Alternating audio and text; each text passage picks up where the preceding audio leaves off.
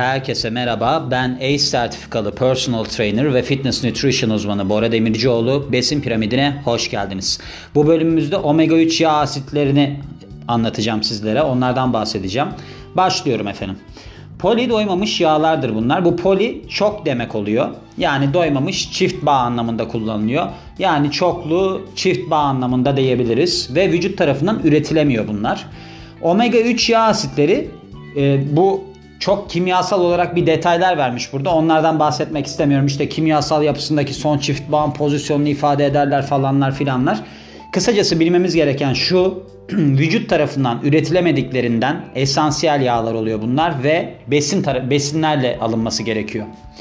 American Heart Association haftada en azından yani Amerikan Kalp Vakfı haftada en azından 2 porsiyon omega 3 yağ asitlerinden zengin yağlı balık yenilmesini tavsiye ediyor. Pek çok tipte omega 3 yağ asidi var. Bunlar kimyasal yapı ve boyutlarına göre farklılaşıyorlar. O yüzden biz bunları biraz tanıyalım. En yaygın 3 tanesine bakarak. EPA. Bakın bunların uzunlarını, açılımlarını söylemeyeceğim. Çünkü bunun ben telaffuzunu yapamam. Mesela şöyle bu. Eikosapenteonik asit. EPA diyelim. Bu 20 karbonlu yağ asidi. Şimdi 20 karbonlu yağ asidi olunca ne oluyor? Aslında bu uzun zincirli yağ asidi oluyor. Ben size daha önceden ne anlatmıştım? Orta zincirli medium chain yağ asitlerinden bahsetmiştim. Orada uzun zincir ne demişti? 13-21 karbon arası. Kısa zincir ne demişti? 6'dan daha az demişti. Yani bu aslında uzun zincirli. Zaten biz burada poliyi de kullandık başında. EPA. Bu 20 karbonlu yağ asitinin temel görevi eikosanoids isimli kimyasalları üretmektir ki böylece iltihaplanmayı azaltmaya yardımcıdır. EPA aynı zamanda depresyon belirtilerini de azaltır. DHA'ya gelelim. ikinci en yaygın türü olan. Bu 22 karbonlu yağ asidi DHA beyin ağırlığının %8'ini oluşturur ve beyin gelişimi ve işlevlerine yardım eder. Gördüğünüz gibi bu uzun zincirler, kısa zincirler falanlar filanlar zaten benim beslenmede en anlamadığım kısım yağlardır. Yani böyle çok karışık geliyor bana ki bunların acaba işe yarıyor mu yaramıyor mu? Hani şu yağdan bu kadar alın bu kadar alın filan diyorlar ya yarıyor mu yaramıyor mu ondan da emin değilim.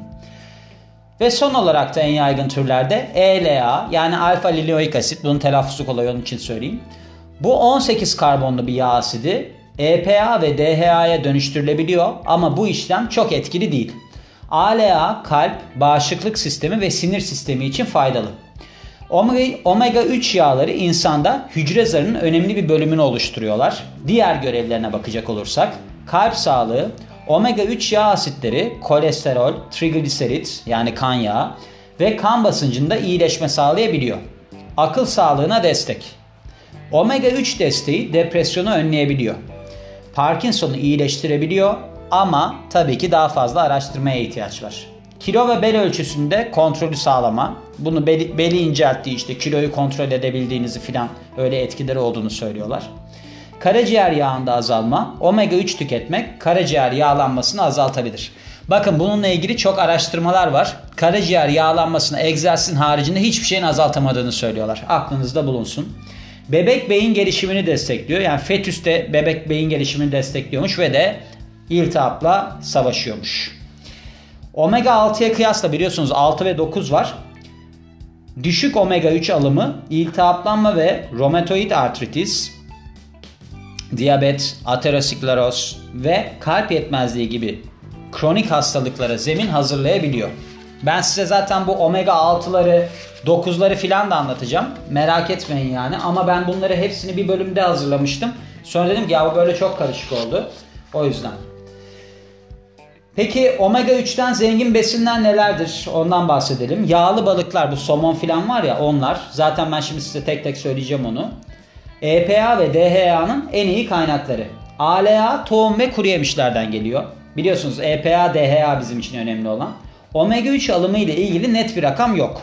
Ama çoğu uzman günlük 250-300 mg öneriyor.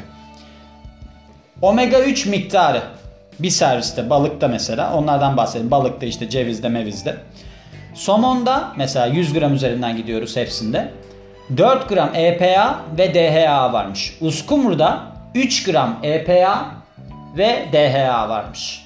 Sardalya'da 2.2 gram EPA ve DHA varmış. Hamsi'de 1 gram EPA ve DHA varmış. Chia tohumunda 4.9 gram ALA varmış. Cevizde 2.5 gram ALA varmış ve keten tohumunda 2.3 gram ALA varmış. Aklınızda bulunsun keten tohumunun erkeklerde testosteronu düşürdüğüne dair bir araştırmalar filan var. Ben kendi internet sistem olan Body Salonu'nda bununla ilgili bir bölüm bile yapmıştım hatta. O yüzden aklınızda bulunsun.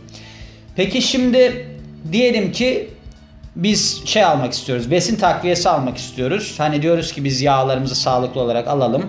Ne yapalım da biz böyle bir katkı sağlasın bize. Şimdi aslına bakarsanız bu omega 3, 6, 9 yağları böyle kombine satılıyor. Ve bunlar için oranlar da genelde 2-1-1 gibi oranlarda oluyor. Omega 3 2 oranında oluyor. Öbürleri 1-1 oluyor.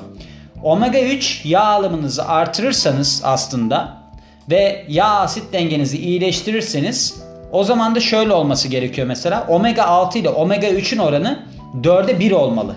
Ama bizde nasıl biliyor musunuz şu anda? Mesela 17'ye 1 filan. Yani o kadar çok omega 6 yağ alıyoruz ki omega 3 artık etkinliğini kaybediyor. Bir şey yapamıyor yani. O yüzden aslında besin takviyesi bununla ilgili bir belgesel de izlemiştim. Besin takviyesi olarak omega 3 almak pek işe yaramıyor diyorlardı orada. Orada diyorlardı ki yağlı balık yiyip omega 6 alımınızı düşürün. Öyle yaparsanız doğru olur diyordu. Bir de şu var. Omega 3 6 9 kompleks çok manasız. Çünkü zaten omega 9 vücut tarafından üretilebiliyor. Mesela bu işte daha önceki bölümlerde anlattım işte zeytinyağı olsun, avokado yağı olsun. E, omega 6 zaten bizim almayı düşürmek istediğimiz bir şey. E kaldı omega 3. Hadi alacaksanız omega 3 alın diyeyim yani tek takviye olarak. Ama onun da öyle besin takviyesi yoluyla alındığında pek işe yaramadığını söyleyen bir belgeselde kadınlar doktorlar falan vardı. Aklınızda bulunsun. Evet bu bölümümüzde böyleydi. Yağlarla başım belada. Size öyle söyleyeyim. Çünkü e, yani çok karışık olduğunu düşünüyorum ve gerçekten de bunlar bir sonuç verir mi bilmiyorum. Yani şunu artırın bunu düşürün filan gibi şeyler. Mesela kolesterol testosteron öncüsüdür. Kolesterol tüketmeyin diyorlar. E, kolesterol tüketmezseniz yani o zaman nasıl kaslanacaksınız gibi bir durum ortaya çıkıyor.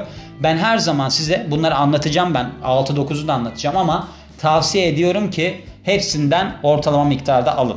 Evet. Bu bölümümüz de böyleydi. Beni dinlediğiniz için çok teşekkür ederim. Ben Bora Demircioğlu. Yeni bir bölümde görüşmek üzere. Hoşçakalın.